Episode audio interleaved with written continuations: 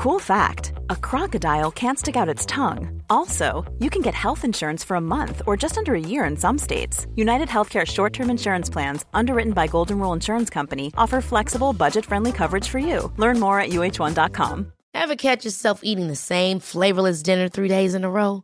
Dreaming of something better? Well, HelloFresh is your guilt free dream come true, baby. It's me, Gigi Palmer.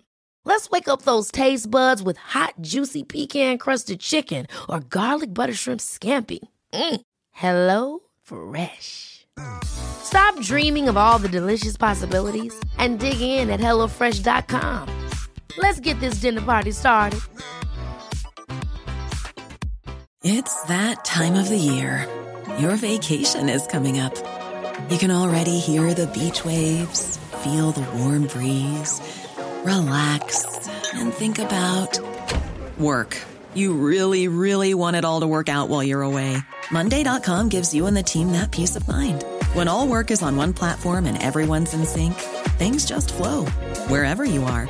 Tap the banner to go to Monday.com.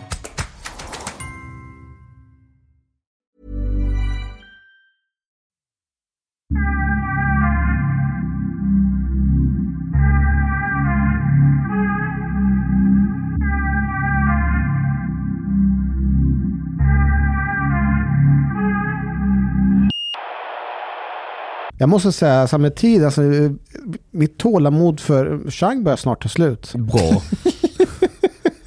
Alltså han spottar ju de facto eh, väldigt många av oss i ansiktet.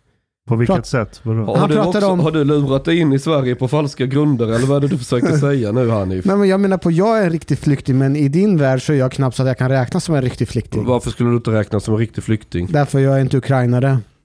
För att alla från stan, den, jag vet inte, du... För att, Mina argument har aldrig byggt på exakt land du kommer från förutom principen om närområde. Principen om närområde ger en indikation på ska vi ta många eller en mindre andel. Det är väl möjligen det. Men även om det blir krig i Kina så skulle vi kunna ta en viss mängd. nej fast du eh, menar ju på att en del per automatik är, är, är inga riktiga flyktingar. Ja, det är helt korrekt. Och att de per, också... Har så du passerat 12 säkra länder på vägen hit då är du inte riktig flykting. Då är inte jag heller riktig Ja, flykting. då är inte vi heller det. Men vadå, jag flög ju typ mer eller mindre... Nej, jag flög Ja, inte om du, om du har kommit som kvotflykting eller på annat sätt. Liksom. Men poängen är att om du söker asyl enligt flyktingstat så du kommit in via Danmark exempelvis. Och du likväl hade kunnat stanna i Danmark. Då är du ju inte flykting när du kom in i Sverige. Vi landade i Sverige. Ja, har du åkt direkt från... Direkt från Iran Ja, men då är det första landet du kom till. Det är första landet. Ja. Men, är vänta, jag vänta, riktig flykting då? Vänta, jag skulle säga att du till och med är en lyxflykting. Varför det? Därför du flög hit. Jaha, det är ni som har simmat, det är ni som har Ni, ni, ni, vandrat. miss, ni missar två saker. Ni missar två saker. Jag är extremt pro invandring. Men jag har väldigt stora problem med just flyktinginvandring. Därför att när det är flyktinginvandring då förutsätts att värdland, värdlandet ska ta en massa kostnader. Därför att du, du, du, du, du kommer inte in i, i, i ett land av skäl att du kommer jobba eller försörja dig själv. Utan du har i princip gett ett gratiskort på att den här personen ska vi betala uppehälle, mat, allting, liksom SOS-bidrag livet ut egentligen. För- Förstår du vad jag menar? Det, det, det är vad det betyder det blir så i praktiken, Ja, ja. ja. I värsta fall. Ja, med, med det, Det här behöver systemet. inte bli så. Nej, det behöver inte bli, men, men det, det, den liksom den ekonomiska risken Ja. tar vi när vi tar emot en flykting. Hade varit in, jag skiter i var du kommer ifrån i, i, i världen om du kommer hit för du säger att du vill jobba. Jag har noll bekymmer. Det, det borde ens inte vara en diskussion om de ska få komma in eller inte. Bra, kan du fixa ett jobb här och, och vill köra på så kör.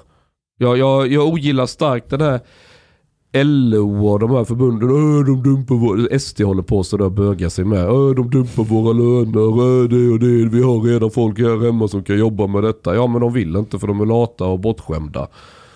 Så hade, hade inte vi haft thailändare som kom och plockade bär i skogen så skulle de aldrig plockats. Punkt. Så är det. Och det, och det har man insett i vissa branscher. Men varför det gäller... Men det är klart, i skogen så syns ju inte thailändarna och plockar bären så då må det vara hänt. Men är det folk som städar våra gator som om man ser att det här är människor som har kommit hit bara för den sakens skull. Då, då kanske, det är återigen de här bögliberalerna. Så länge det inte syns på Kungsholmen, då är det okej. Det syns ju på Kungsholmen, det är en massa indier som åker Bolt och levererar mat. Det är ingen som bryr sig om det. Men nej, men det har nog kanske blivit en förändring där.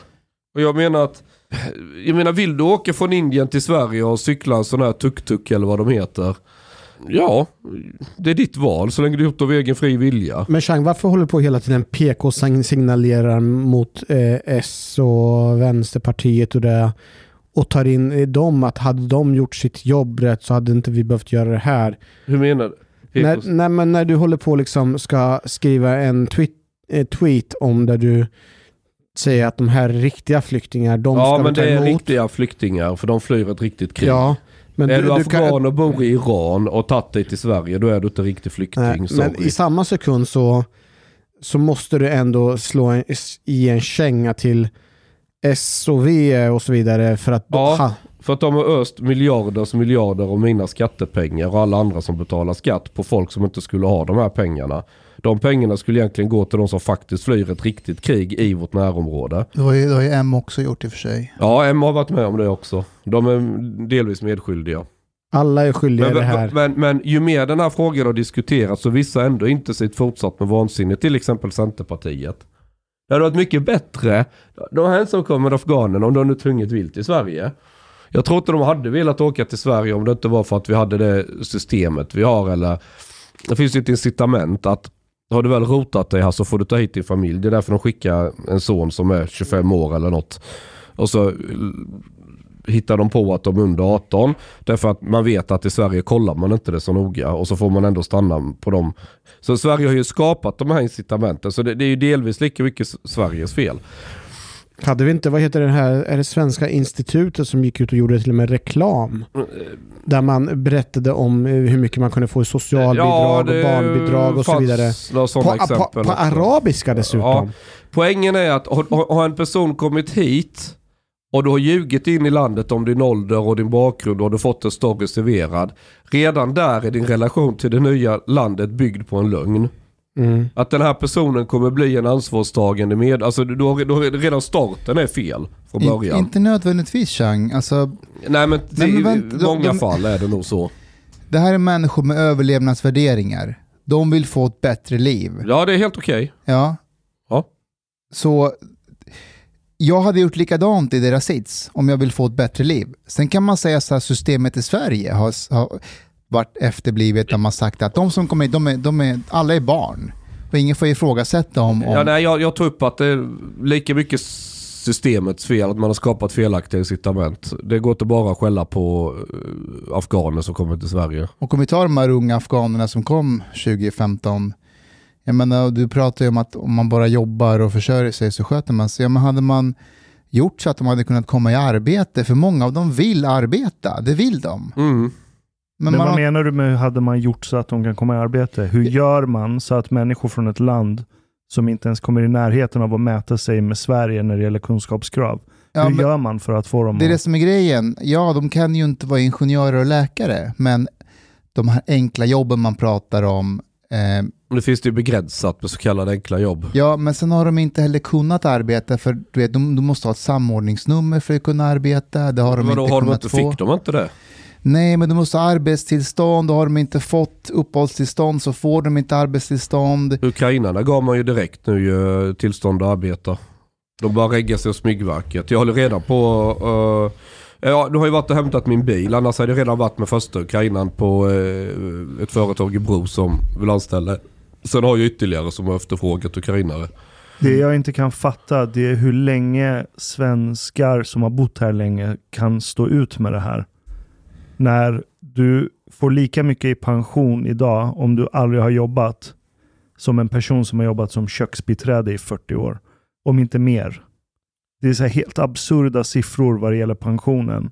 Och för mig så är pensionen en av de största löftena för det du ger landet av att ha jobbat och gjort din plikt och allt det här. Men inte ens det löftet kan hållas. Och det här har vi vetat länge. Men det som slår mig är hur, hur miljontals människor bara sitter där och röstar på samma politiker om Oh. och om och om igen. Jag förstår inte det. Vårt pensionssparande har egentligen blivit en dold skatt. För det, pengarna går ju till saker, det går inte tillbaka till din pension. Det är bara en liten del av det du betalar in som kommer. Den dagen du blir pensionär så av allt det du betalat in så är det, det, det är en, en del av det får du tillbaka. Förmodligen mindre än hälften. Och det ska man också skatta på. Det är också Ja, helt ja, ja, ja, ja, det är skatt på allt. Allt är Det är skatt. helt sjukt. det, det farligaste med det här systemet egentligen det är att alla de här systemen vä- förvägrar folk att bygga en egen liten förmögenhet. Det blir jättesvårt. Alltså, du, du, du måste verkligen, verkligen anstränga dig. I andra länder där du inte har den här stora eh, massiva gigantiska appara- statsapparaten så tenderar folk att ha, ha mycket bättre privatekonomi. Man äger sitt hus. Man äger marken. Man kan odla lite. Man, man, du har ett mycket starkare civilsamhälle. Det har vi inte i Sverige. Väldigt, väldigt få människor i Sverige äger sin egen bostad. Det är bankerna som äger det. Jag undrar om eh, andelen människor som har höga privatlån, alltså oavsett om det är konsumtionslån eller bostadslån, att du inte äger någonting rent Mm. förmögenhetsmässigt, om det är en bra proxy på hur starkt civilsamhälle du har. Ja, det är det. Är det det? Det skulle jag säga. Ja, Hur menar du nu? För vi, vi är topp tre i på världen. privat skuldsättning. Ja. Jo, det har väldigt stor betydelse vad du har på balansräkningen. Men Eh, Vad menar du med civilsamhället? alltså civil, du har staten och du har medborgarna. Ja, ja. ja. Mm.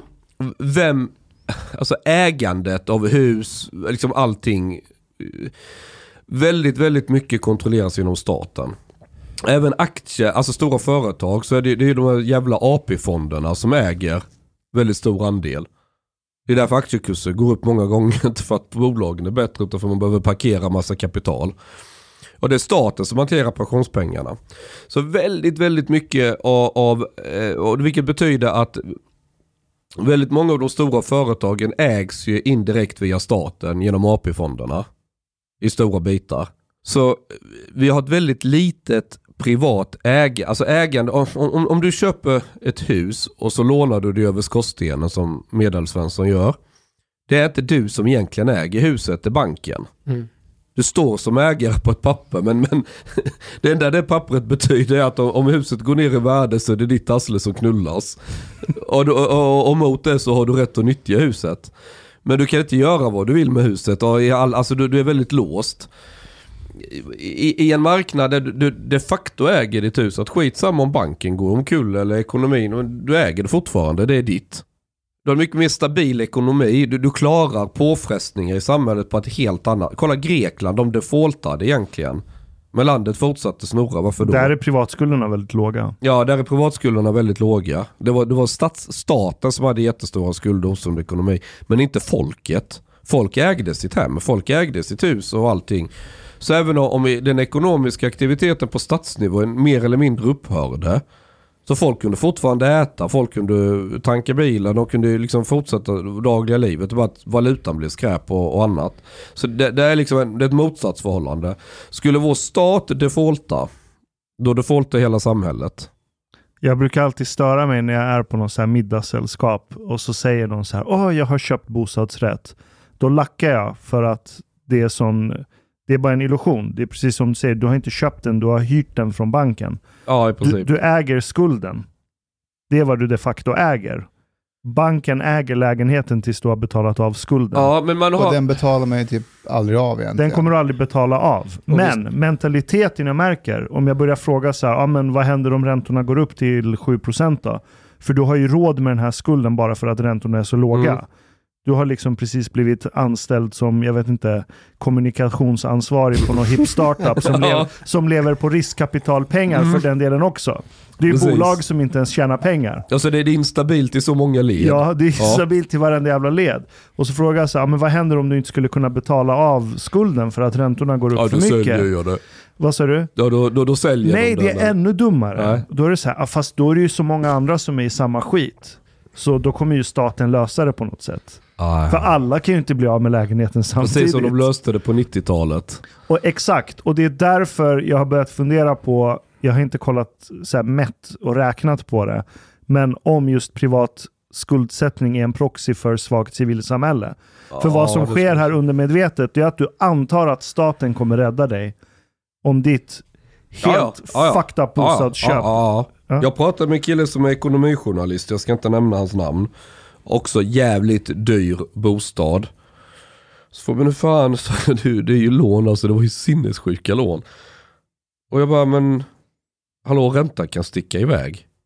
Nej, kommer inte hända. men jo, förr eller senare så det, vi har ju svängningar även på ränta precis med konjunktur och allt annat. Det är liksom, ja men då, politikerna kommer inte tillåta det ske för då är det så många som sitter i skiten. Så att, ja. Men finns det inte en korn av sanning i det? Att, eh, att staten kommer beakta att hur många som kommer dras ner i det och därför så kommer de vidta Ja men det förutsätter att du tror att staten alltid har muskler att hantera det. Ja, men de älskar ju oss, staten. De vill ta Alltså, hand om oss. Den dag, just, det är därför jag säger det, den De är dagen, våra föräldrar. den dagen staten Jag har inte ens föräldrar, tack vare Sverige. Jag har staten som min förälder. Men, men, men det, det är just det som är min poäng. Den dagen staten Sverige failar, då failar hela samhället. I, I andra länder så är stat och samhälle väldigt olika entiteter. Den, staten kan faila, den kan defaulta. Men livet, alltså samhället fortsätter som vanligt. Men så är det inte i Sverige. Sverige, hade, Sverige är helt beroende av staten. Alltså det är något djävulskt vad folk är beroende av staten. Amerikaner säger God bless America. Men jag tror de som verkligen tror på det på riktigt, det är svenskar. Alltså att Gud har välsignat Sverige från alla krafter som råder över annanstans på jordklotet. Men att räntor ska sticka iväg, att ekonomin ska fuckas upp, det kommer aldrig hända Sverige. Eh, Om det skulle vara någon Det är God utomstående bless som... Sweden Men det är på väg att ske. Om- Vi är, vi är på väg att få kraschernas härdsmälta. Det tror jag också. Om Ja. någon skulle stå utanför och lyssna på den här diskussionen, Det ska vara väldigt dogmatiskt. ja, skulle de inte bara typ skaka på huvudet och säga vad är det för knäppjökar som Jo, håller på att jo prata? det, är, det är en försvarsmekanism. Ja, Ja, men, men det finns ju data som backar upp detta. Alltså det var, vad kostade bensinen för ett år sedan? 16 spänn, 15? Den har varit uppe i vad? 25? Ja, fast nu får vi ju bidrag. Jag, Eh, jag tankade bilen i förrgår. Det var inte ens full tank. mm, 1200 fucking spänn. Okej. Och du fick tusen spänn. Jag, alltså, visst, alltså, han är fan För poäng. en tankning! Staten är alltid där och hjälper till när det börjar gå illa. Hur ofta får, vilka länder... Du får tusen spänn en gång för att du äger en bil. Du får, du får alltså inte en fulltank av staten i kompensation. Men det är bättre än, En det är engångsgrej. bättre än noll kronor. Har vi börjat eller? Ja, det börjat. rullar. Det rullar. Vi, vi satt precis och pratade om inflation och jag tog upp att priset på konstgödsel ligger normalt en och en halv krona kilot. Uppe i 11 spänn hörde jag sist jag pratade med en bonde. Jag kollade järn. Jag har själv hållit på att sälja mycket järnskrot. Eh, men det var 10-15 år sedan. Men nu kollade jag priset på järn. Det är uppe mellan 4,5 och 5,5 kronor kilot. Normalt pris brukar ligga runt 1 krona kilot. Tar vi, ska vi tanka diesel eller bensin så är det ju rekordnivåer vi aldrig har sett närheten av innan. Eh, så vi, vi, vi har ju väntade matpriser. Vi har, alltså, räntan måste ju upp helt enkelt.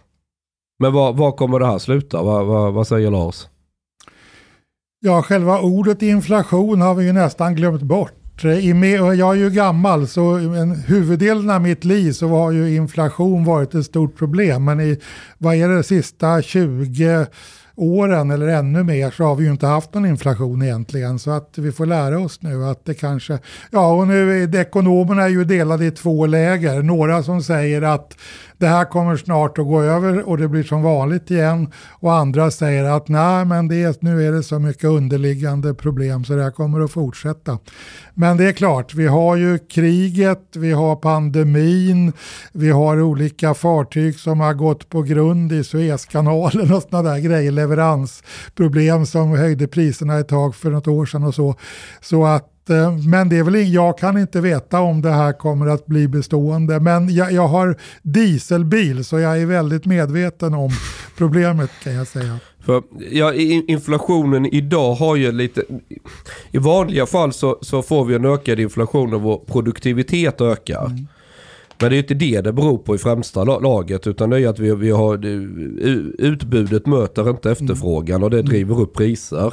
Och det är en annan sorts inflation än den vi normalt brukar bekämpa med det här 2% målet eller vad det är. Mm.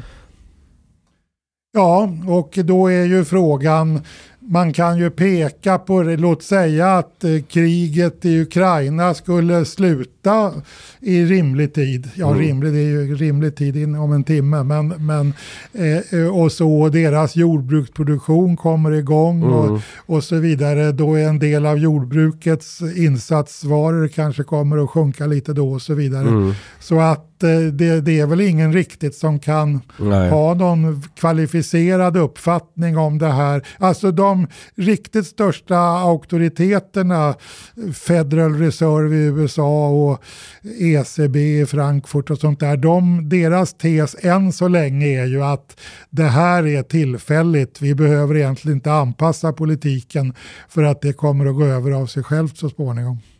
Jag vet ju att i, när, vi, när det började pratas om inflation strax innan nyår, då var ju det var en, en liten skara av människor som hördes att okej, det här är allvarligt, det här kommer skena iväg. Och nu verkar den gruppen ha växt större och större. Jag såg en presskonferens med Powell där han sa att vi kanske måste vara mer aggressiv med, med, med räntehöjningen, att, att inflationen är alldeles för högt. Mm. Men, men så här, för de som under de här 20 åren har levt under en tid med väldigt låg inflation, ehm, hur var det när du levde? Och vi backar till 90-talet, det hände jag, något där va? jag var ju pol politiskt ansvarig den här när Riksbanken höjde en ränta till 500 procent. Mm. Det är I och för sig lite egendomlig grej som inte har nådd. Men jag, och i den vevan köpte jag själv mitt sommarställe som jag fortfarande har och då var ju räntan 16 procent. Man, så här efteråt fattar man inte hur man kunde ha råd med det överhuvudtaget. Men det hade man uppenbarligen. Så att det vore ju bra om vi kunde undvika att komma tillbaka till en sån situation. För det var en sak vi tog upp innan, att den privata skuldsättningen i Sverige är extremt hög. Ja, till bostäder, ja. Det, det där, då kan väl jag komma med ett glatt budskap som inte lika ofta nämns. Alltså Sverige som nation Mm. har ju väldigt stabil så att säga underliggande ekonomiskt läge. Det finns någonting som heter bytesbalansen som brukar man kalla sista raden. Det är så att säga om vi Om vi ser det som ett företag Ja, så är exakt. det ja, sista exakt. raden. Ja. Och Sverige har alltså haft positiv bytesbalans i 30 års tid. Så det innebär att för varje år som, så som folkhushåll så har vi minskat vår skuldsättning eh, från utlandet. Och vår statsskuld är ju jättelåg i ett EU-perspektiv. Och Jag- jag- vår sysselsättning är hög så att det finns en del ljuspunkter. Jag, jag var inne på det också, det är just att det är staten som äger väldigt mycket, inte människor. Ja, Vi får ju en växande ja, stat. Fast det, det, det, några av er kanske har bostadsrätt, vad vet jag, det har inte jag, men jag har mitt sommarställe. Och det är klart, nu har jag inget lån kvar på sommarstället längre, men ni som har bostadsrätt vet ju att ja, ni har jättehögt lån, men om ni går in och kollar hur lägenheten är värderad, då märker ni att värderingen överstiger lånen ganska rejält. Så att eh, huruvida det där är ett problem, det krävs ju så att säga att det, det exploderar en bubbla, att vi får ett jätteras i bostadsvärdena för att det där ska bli ett riktigt problem. Men värderingen är ju hög för att det är så många som har råd att i teorin köpa min bostadsrätt. Mm. Så skulle räntan sticka iväg skulle ingen ha råd att köpa den längre. Så Nej. då Rasar priset. Nu vill jag ju då säga att var, jag såg en rubrik igår att man ska ta höjd för att boräntorna om, om ett år eller vad det var var 2,5 procent. Det är klart, det är, man- är man i min ålder så låter inte det så jätteupphetsande. Det, det, det borde ju de allra flesta kunna klara en ränta på 2,5 procent. vi är Men ju nästan där nu. 2,3 ligger den på ja, nu för vissa där banker. ser man. Ja, ja.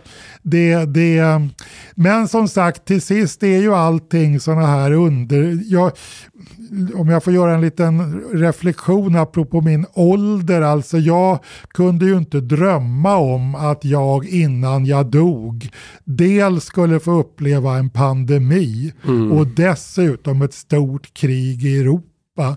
Det är ju helt ofattbart att vi är där vi är. Det är visserligen en underbar dag i Stockholm just nu men, men, men det är inte så långt bort att vi har, haft, har och har haft jätteproblem. Och till sist är det just sådana där underliggande saker som, som avgör om, om tillväxten får ticka på och världshandeln fortsätter att öka och så vidare, då, då kan vi ju hantera det här. Men det är klart om vi går in i en verklighet, till exempel om vi får och nu, om verklighet där motsättningarna mellan väst och Kina mm. fortsätter och, och, och, bara fördjupas och fördjupas.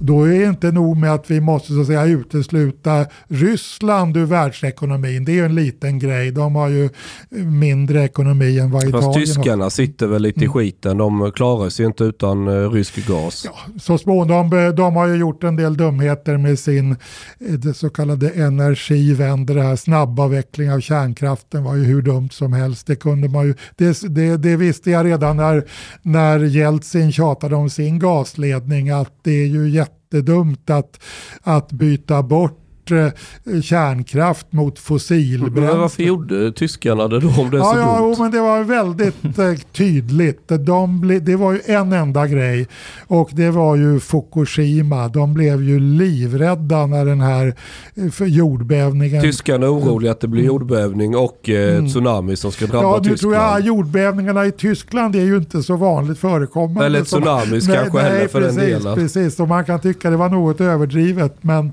men det blev ju en, det var ju Merkel som gick i spetsen men även de, de tyska liberalerna var med på detta. Och alla, alla var med på det. Du är, du är väldigt optimistisk, Lars. Jag gillar det. Eh, och jag är nyfiken på vad, vad, vad är källan till din optimism?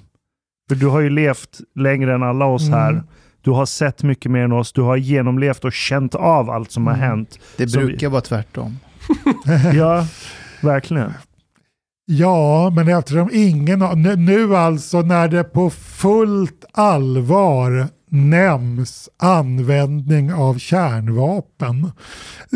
Det gjorde man ju när jag växte upp. Då talades det ju om att, och det kom böcker och sånt där som handlade om hur hela mänskligheten skulle utplånas. Och man kunde räkna ut hur kärnvapnen räckte till att förstöra hela jordens yta flera gånger om och så. Men att det nu på nytt talas om att kärnvapen ska användas. Det, alltså den som bara är optimist rakt av, den är ju dum i huvudet. Så den tar ju inte in hela verkligheten. Så att eh, enda skälet att vara optimist är väl att alternativet är så mycket, ja att alternativet så att säga kan leda till att man blir handlingsförlamad och helt deprimerad. Mm. Men, men tar man in fakta så, så vet jag inte om det kommer att gå bra eller dåligt. Det, det känns ju tryggt där. ja, ja, men det är bara, och alltså det som har hänt de, den senaste, det är ju nu snart en månad sedan som, som Putin fattade sitt katastrofala beslut. Det förändrar ju radikalt eh, tycker jag en sätt att, ja visserligen kan man ju då säga att jag har förespråkat NATO-medlemskap i 20 års tid, mer än så. Eh, så att det, någonstans hade vi väl en insikt om att det värsta kan inträffa. Men, men man har ju ändå utgått ifrån att det skulle vara så pass mycket intelligens att man skulle välja smartare lösningar än att starta ett storkrig. Det känns så 1900-tal på något sätt. Om, om, vi stannar kvar lite med det här kriget, mm. men du är född 1949, mm. du har varit med om många händelser. Mm. Um, Berlinmuren mm. hade konsekvenser för liksom hela världen. 9-11 var en sån händelse. Va, vad tror du att det här Ukraina-kriget, vi är mitt uppe i det nu. Jag tror inte alla mm. förstår vad, mm. vad det här kommer få, få konsekvenser i framtiden. Mm. Men om du får spekulera, vad, vad, tror du, är vi med om något historiskt hur kommer det här att påverka oss? Jag tror det kommer att ha en enorm påverkan. Om jag får ta det där perspektivet, mitt liv. Jag var en 6-7 år när ryssarna, Sovjet gick in i Ungern. Och sen drygt tio år senare så gick de in i Tjecko, som, då, som då hette Tjeckoslovakien. Precis samma sak som med tanks och Warszawapaktstrupper som man sa på den tiden. Eh, och varken ungrarna eller tjeckerna bjöd ju egentligen något motstånd. De försökte vrida på vägskyltarna och sådär så de skulle köra fel men, och var ute på gatorna och försökte hindra tanksen med sina egna kroppar. Men i stort sett så, så var det ju inget motstånd. Däremot afghanerna gjorde ju motstånd. Och, och de, det fick ju en enorm betydelse för just Ryssland. Man, det, det, det brukar ju nämnas som en av faktorerna som låg bakom Sovjetunionens kollaps. Lars, jag måste Så, bara säga ja. att det är första gången i poddhistorien som vi har hört någonting positivt om afghanerna. Ja, jag var medlem i svenska, ja, jag kanske är fortfarande i svenska Afghanistankommittén. Jag känner oerhört starkt för Afghanistan och just det modiga motstånd. Man fick ju hjälp av amerikanska Stinger-robotar så man kunde skjuta ner de ryska helikoptrarna. Men, men, men Lars, Ja. var det, när, när, när Sovjet gick in i Afghanistan, var det inte så att man de facto hjälpte det som senare blev känt som talibanerna? Att Ja, slåss mot? Det sägs ju att eh, jänkarna i USA eh, i sin iver att hitta motståndare till de sovjetiska trupperna så, så, så var man med om att bilda eh, talibanerna, alltså säga, f- Mm. föda talibanerna. Det, jag tror det är riktigt att det var Det så. man, det man gjorde som var typiskt och, och tragiskt är att när, när kriget var vunnet, när Sovjet drog tillbaka Mm. styrkorna, så lämnade man utan att tänka efter, okej vi måste förmedla till folket att det var vi som hjälpte er. Alltså USA, vi är era vän. Bygga en skola, säga så här, det här är till minne av att vi hjälpte. Men det var ju kalla kriget och man, man, man ville vara lite under radarn. Så än idag, afghaner vet inte att det var faktiskt USA som hjälpte ta, eh, talibaner, mujahedin med, med vapen och så. För att man ville göra det under bordet. Men hade, handlar inte allt det här om att man... Eh, alltså o- Sovjetunionen var under eh, offensiven, de skulle ju påverka många sätt och det här var ett naturligt sätt för USA att kunna trycka tillbaka eh, USA. För de skulle ta över mark på många Mm, ställen. Absolut. Ja, det, är inte, absolut. det var Iran samma sak där Mm. och det var ju då Mujahedin Mm. blev liksom marxist influerad och sådär så att det fanns ju ett stort intresse för Mm. USA. Ja, det var ju inte av deras stora hjärta för Nej, afghanska exakt. folket. Såklart det var Nej. strategiskt. Ska man ha en historisk parallell till, den ligger faktiskt till och med före jag var född, nämligen fin, finska vinterkriget. Alltså finnarna var, eh, bjöd ju motstånd. Mo- Det var ju mycket paralleller till ukrainarna. Ryssarna var övertygade om att de ganska lätt skulle kunna ta Finland men, men de, de, de blev stenhårt motstånd. Och där de, finnarna kämpar ju otroligt bra men till sist så tvingades de ändå till en fredsuppgörelse som innebar land, alltså Karelen, Karelen, ja. kareliska näset som de fick lämna till ryssarna som än idag då är ryskt. Eh, och eh, det, det, ja, det är ju väldigt svårt att spekulera om hur det här Ukraina-kriget kommer att sluta men det är klart att ett scenario är ju som ju inte alls är bra men det är ju att Zelensky ändå tvingas till att ge upp en del territorium, Krim har det ju pratats om och så. Och det är klart att då, då visar det sig att de här fasonerna som Putin ägnar sig åt ändå lönar sig. Och det är ju... Det har väl alltid lönat sig genom historien. Ja, men vi trodde ju att vi i så att säga, mitt liv, om vi får ha det som tema här, det har ju så att säga handlat om hur mänskligheten, ja inte mänskligheten, men Europa har gått från ett skede där det har varit som du säger, det har varit de starkare som har dragit upp gränserna Mm. till ett eh, system där det står inga gränser får ändras med våld. Det har ju alla skrivit under, även ryssarna har skrivit under Mm. det till sist. Men det är det man nu bryter mot. Men vad kommer att hända, låt oss säga att Zelensky ger upp och, och ehm, lämnar över Mm. en del territorium. Mm. Går, Då, då har vi fred i, i vår tid. ja, Nej, jag skojar lite. går inte med i NATO och, och allt sånt där. Mm. Vad kommer hända med, kom- kommer västvärldens sanktioner då att bara falla platt igen och man kommer göra affärer med Ryssland igen? Alltså, Ja, det är en jättebra fråga. Det förmodligen kommer ryssarna så att säga kräva det som en del av en, en fred. I värsta fall börjar de också snacka om att Finland och Sverige inte heller får gå med i NATO. Så det, det, det tycker jag är ett skäl att, det, om jag får ta en väldigt aktuell fråga.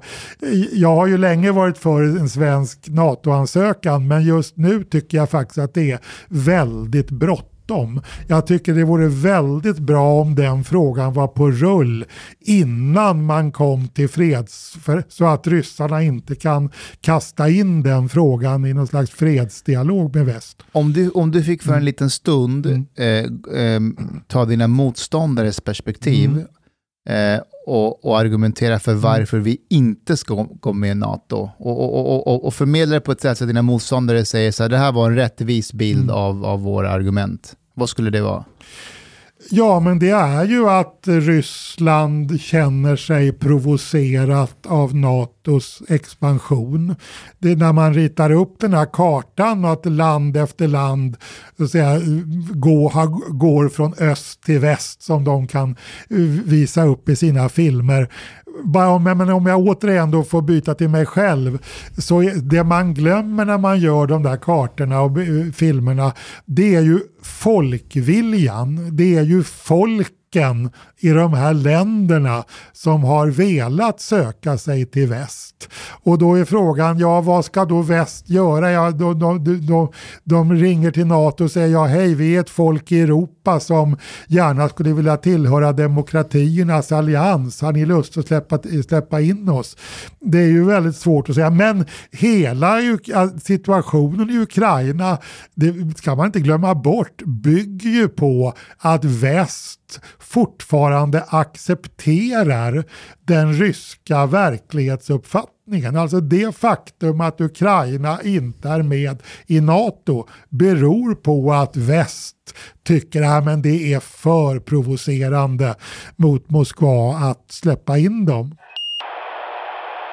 Det finns ju en, ehm, en grej som sprids just nu om att, om att ehm, Ryssland, eh, eller förlåt, eh, under 1991 så lovade man Ryssland, eh, Gorbatjov, att man inte eh, skulle expandera NATO mer Det är österut. omstritt om det löftet gavs. Det är det jag menar. Eh, Är det, är det propaganda eller är det sant? Svårt att säga. Alltså jag, jag, jag som var med den där tiden, jag minns ju att den tankegången fanns ju absolut. Alltså ur någon slags, jag tar det ur svenskt perspektiv, eh, ett svenskt försvarsperspektiv. Alltså att Östtyskland, Polen, Estland, Lettland och Litauen inte längre var Warszawapaktsländer utan i bästa, i kanske då neutrala innebar ju också för Sverige en enorm strategisk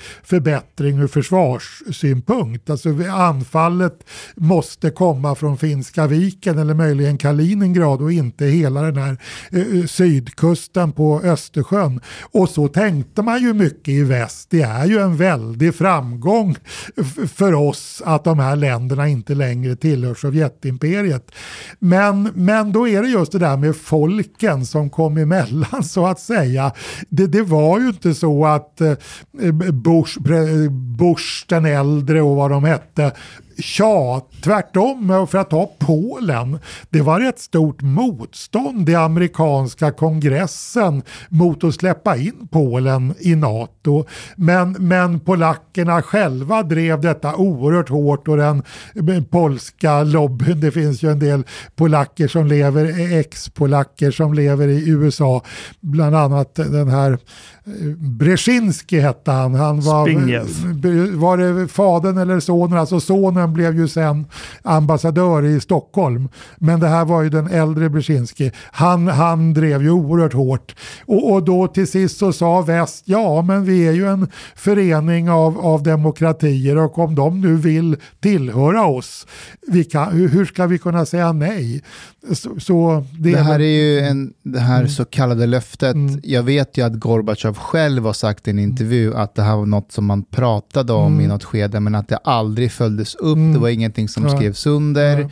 Inga av länderna omkring pratade Mm. om det. Men just nu så, jag vet ju att Ryssland har ju sin bild, att Mm. det här var ett löfte som man Mm. alltid pratar om. Och jag har nära vänner och även en del släktingar som, som kör på det här narrativet Mm. att, att NATO eh, har provocerat Putin till det här. Han ville inte egentligen det här. Jag- tänker, du som lever, eller så du som lever den här tiden, det gör vi också, all den här information som Mm. pumpas ut, Mm. hur ska man navigera sig igenom den här informationen för att inte falla i fällan att fan Mm. det här är ju liksom Kremlig propaganda man går Ja, på. det, det är svårt och den där, så för att ta just det här exemplet, det, det, det, är, det här är ju omstritt och sanningen Eh, kanske ligger någonstans mitt emellan på det sättet att eh, USA och, och, och mm, alltså till exempel för att ta ett litet annat exempel, Margaret Thatcher, hon var ju ganska bekymrad för att Väst och Östtyskland skulle slås ihop.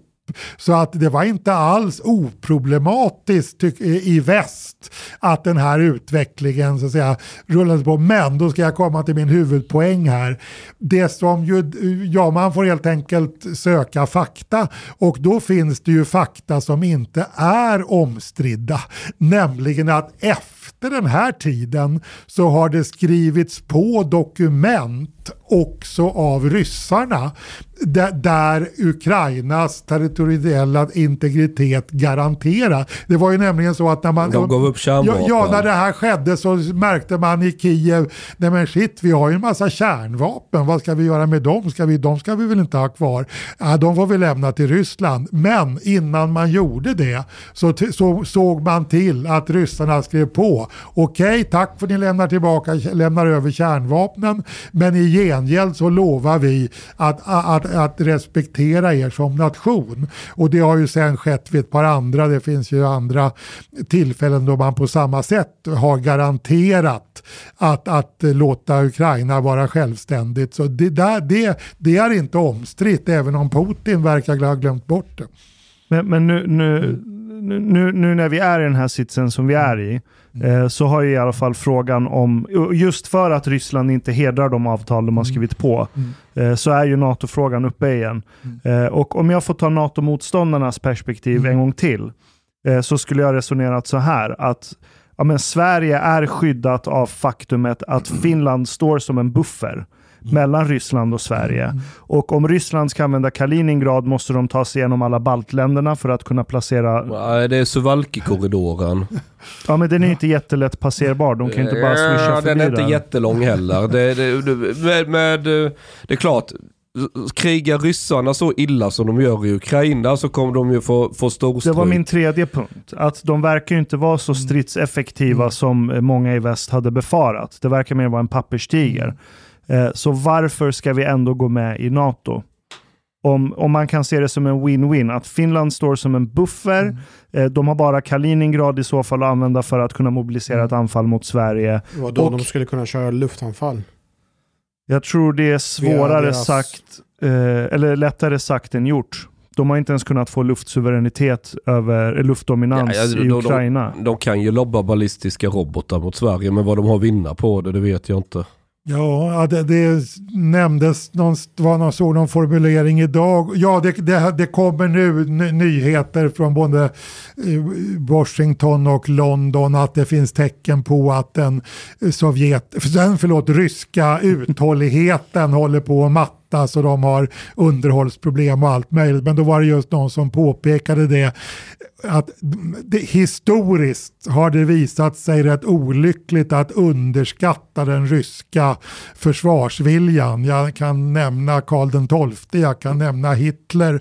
Mm. Fick båda erfara att ryssarna kan, kan ju mobilisera en enorm försvarskraft när det är nödvändigt. Men då kanske jag kan sträcka mig och säga så här att fram till för ett par månader sedan så, så, tyckte jag, så tycker jag man ska erkänna att det var en avvägning mellan men tänk om vi provocerar ryssarna så mycket att vi alldeles i onödan skapar ett skarpt läge. Eh, det stod då emot att ja men det är ändå tryggast att vara med i en gemenskap.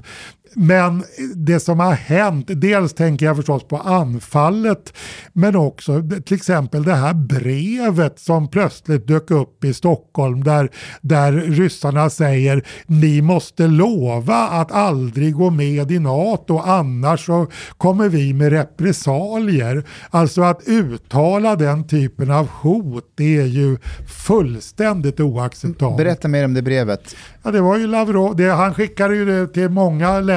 Ja, jag tror alla. Ja, ja. Han, han strök väl under också att han vill inte ha ett gemensamt svar Nej. från EU utan var land för sig ska svara. Bara en sån sak, vad har han med det att göra, vem som svarar?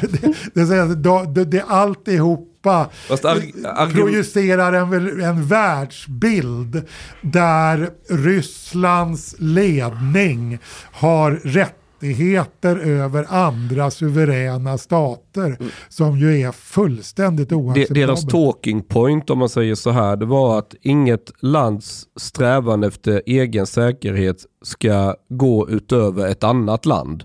Det var väl så de som det skrevs i det här mm. brevet, lite grovt översatt. Mm.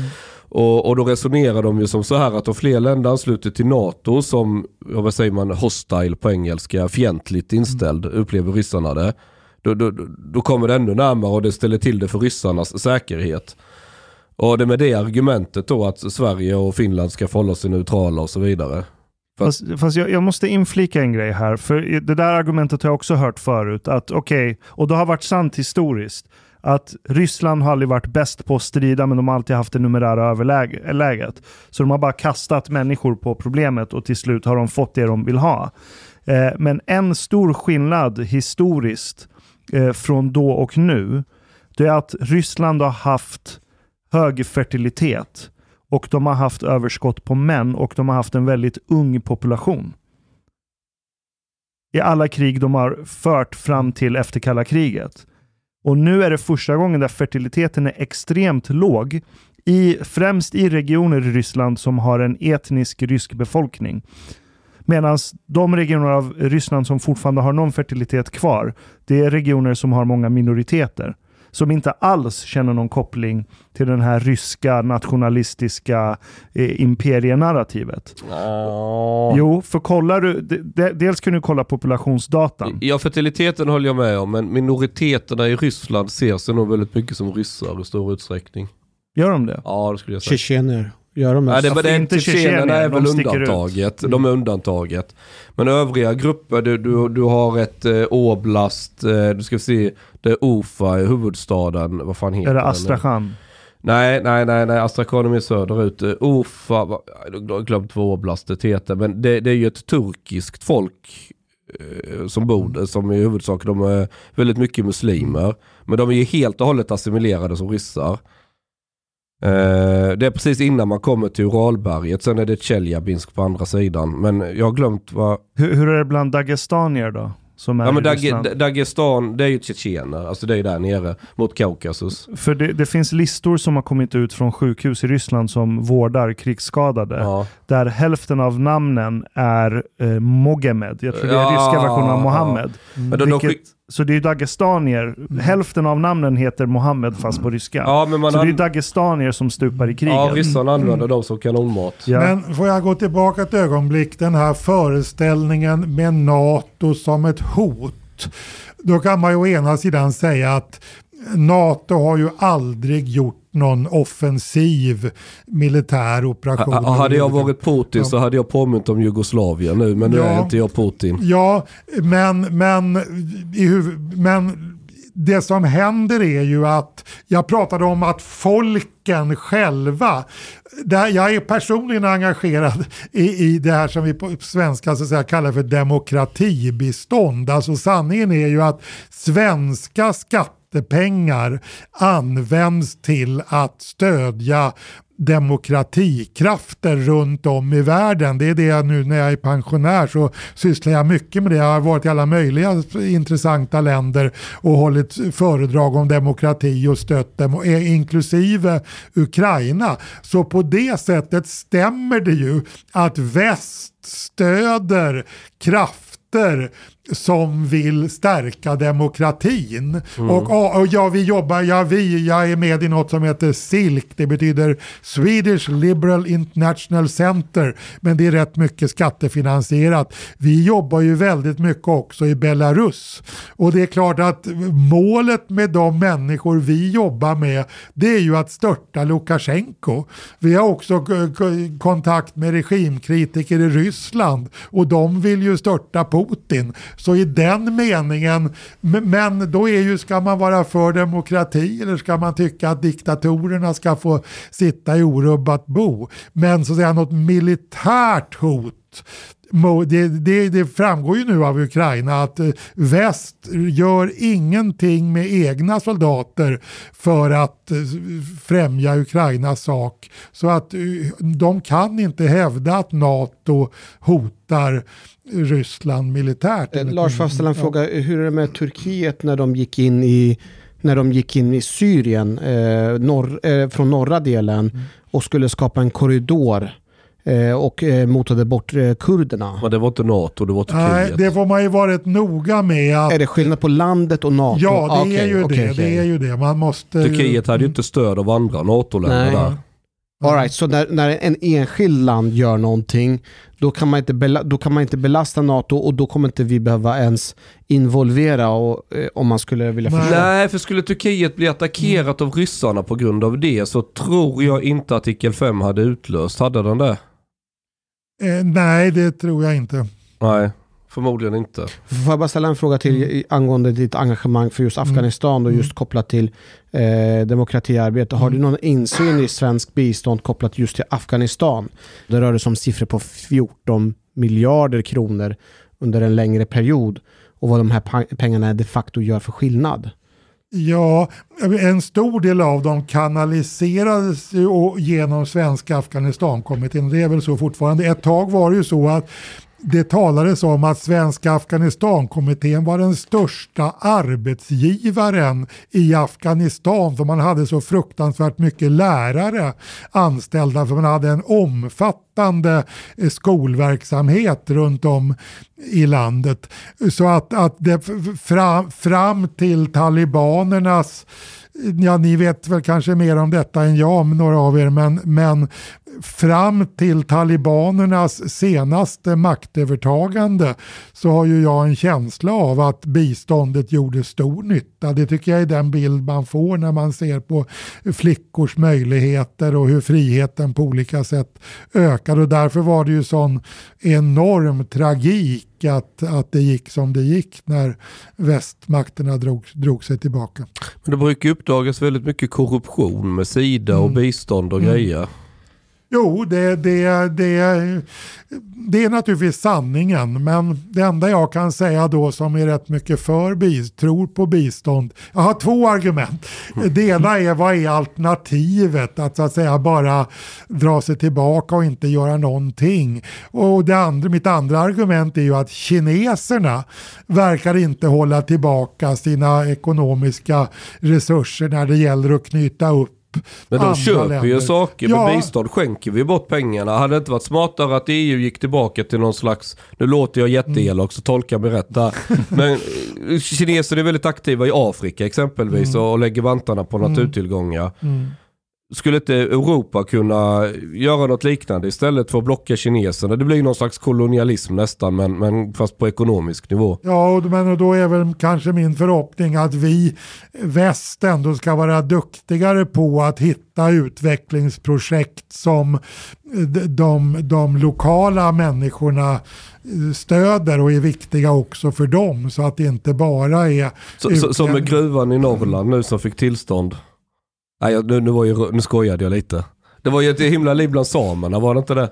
Jo, det är det fortfarande. Mm. Greta var också rätt arg. Mm, Greta. Ja just det, vad, vad, tänker, vad tänker Lars om Greta? Hon har ju varit väldigt, eh, väldigt stor opinionsbildare men må, många retar sig på henne samtidigt. Det har blivit lite två läger.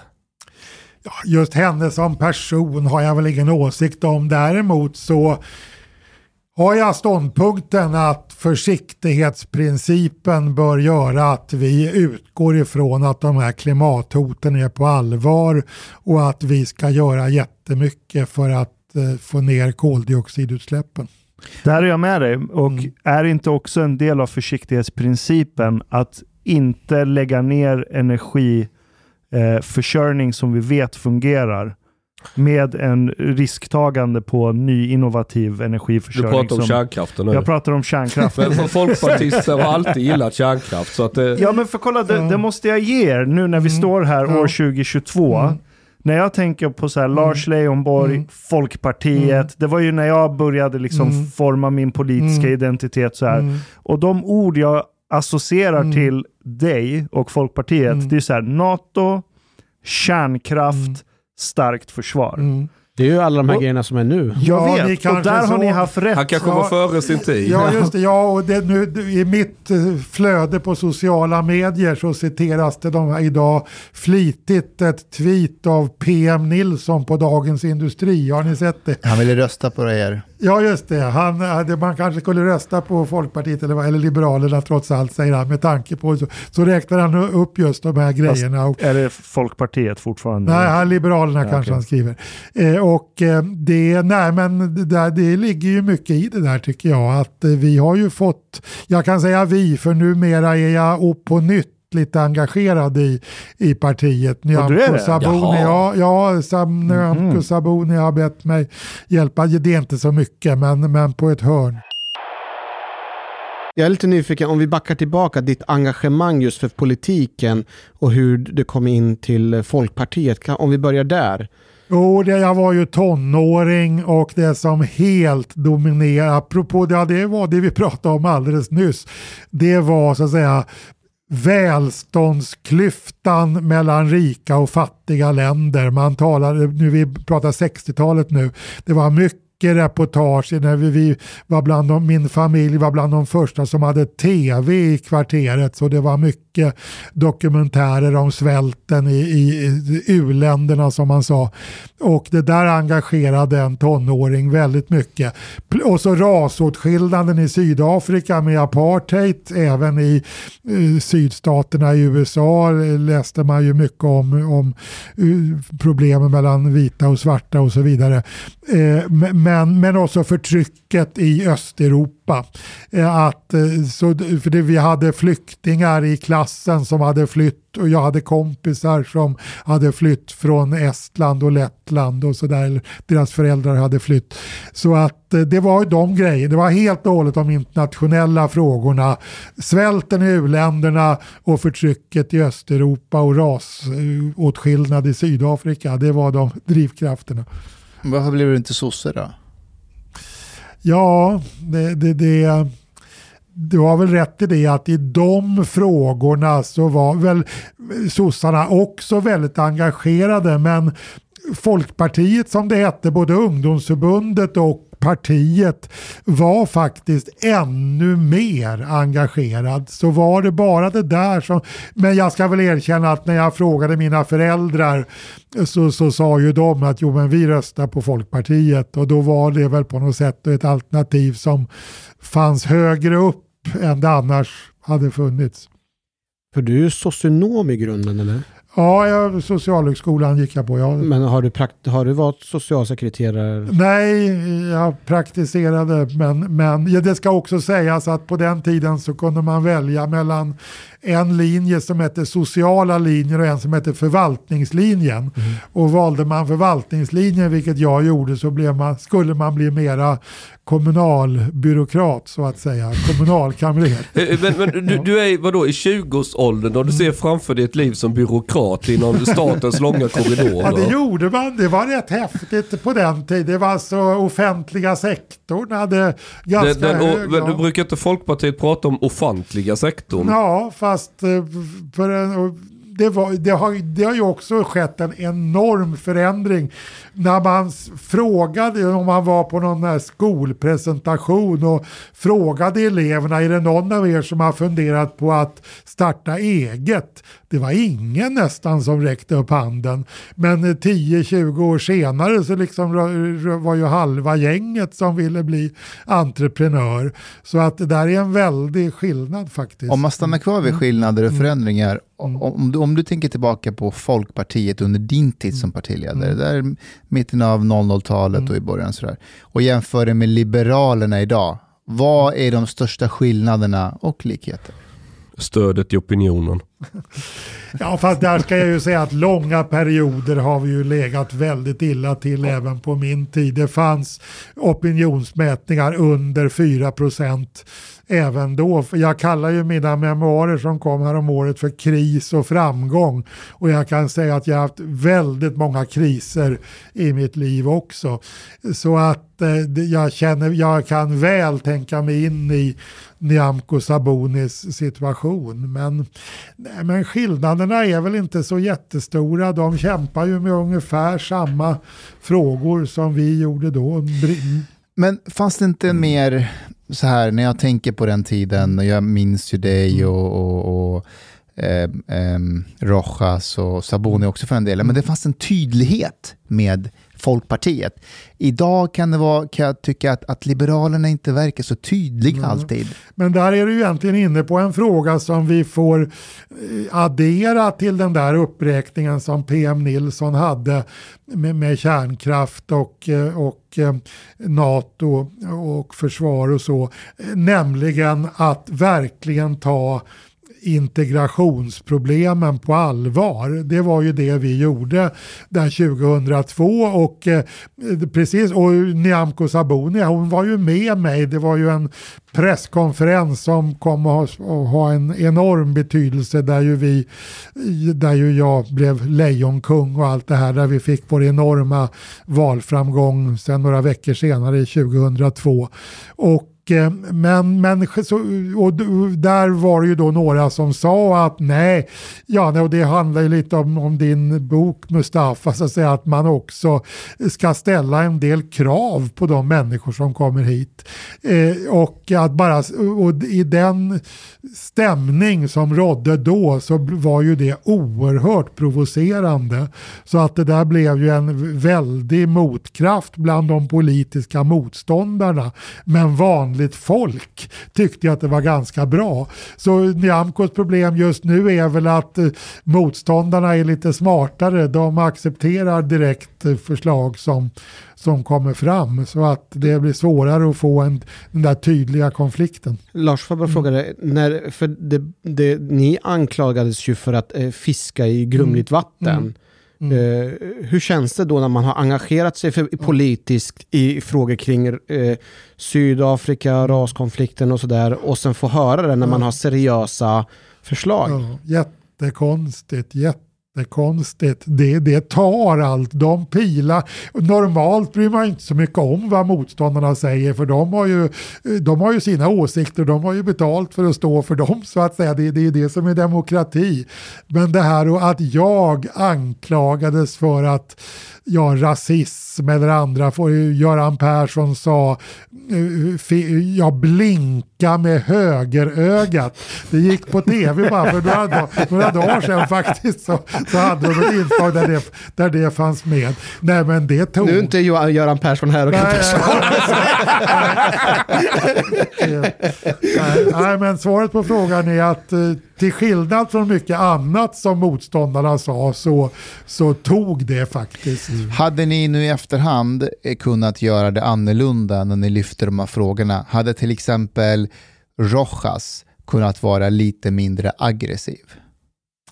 Aggressiv? Han uppfattades som väldigt aggressiv när han... Men hur eh, vet Jaha. du, hur gammal var du då? Var du, var du född höll jag på att säga. ja, ja, du, men, du har rätt. Du, du, du har, du har Alltså, rätt. att du frågar om hans ålder, det är legitimt med tanke på att han är afghan.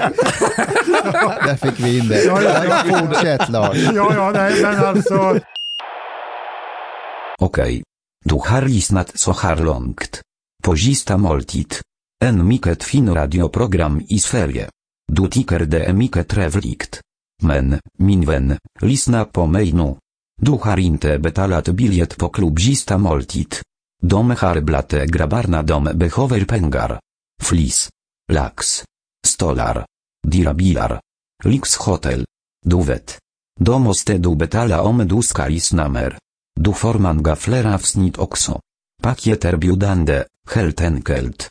Läs i beskrivning för avsnitt, där det finns information för att bli medlem på klubb Sista Måltid. Det kostar som en mycket liten kaffe latte ute på torget. Per månad. Lätt som en plätt. Tack,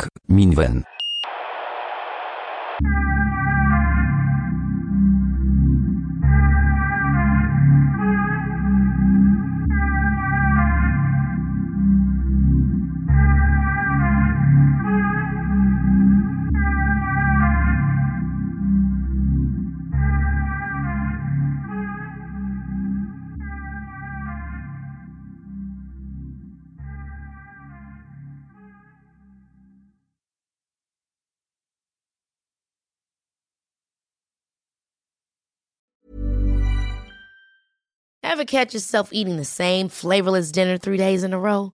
Dreaming of something better? Well, HelloFresh is your guilt-free dream come true, baby. It's me, Kiki Palmer. Let's wake up those taste buds with hot, juicy pecan-crusted chicken or garlic butter shrimp scampi. Mm. Hello Fresh. Stop dreaming of all the delicious possibilities and dig in at HelloFresh.com. Let's get this dinner party started.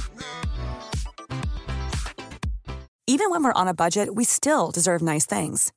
Quince is a place to scoop up stunning high-end goods for 50 to 80% less than similar brands. They have buttery soft cashmere sweaters starting at $50, luxurious Italian leather bags, and so much more. Plus, Quince only works with factories that use safe, ethical, and responsible manufacturing. Get the high-end goods you'll love without the high price tag with Quince. Go to quince.com slash style for free shipping and 365-day returns.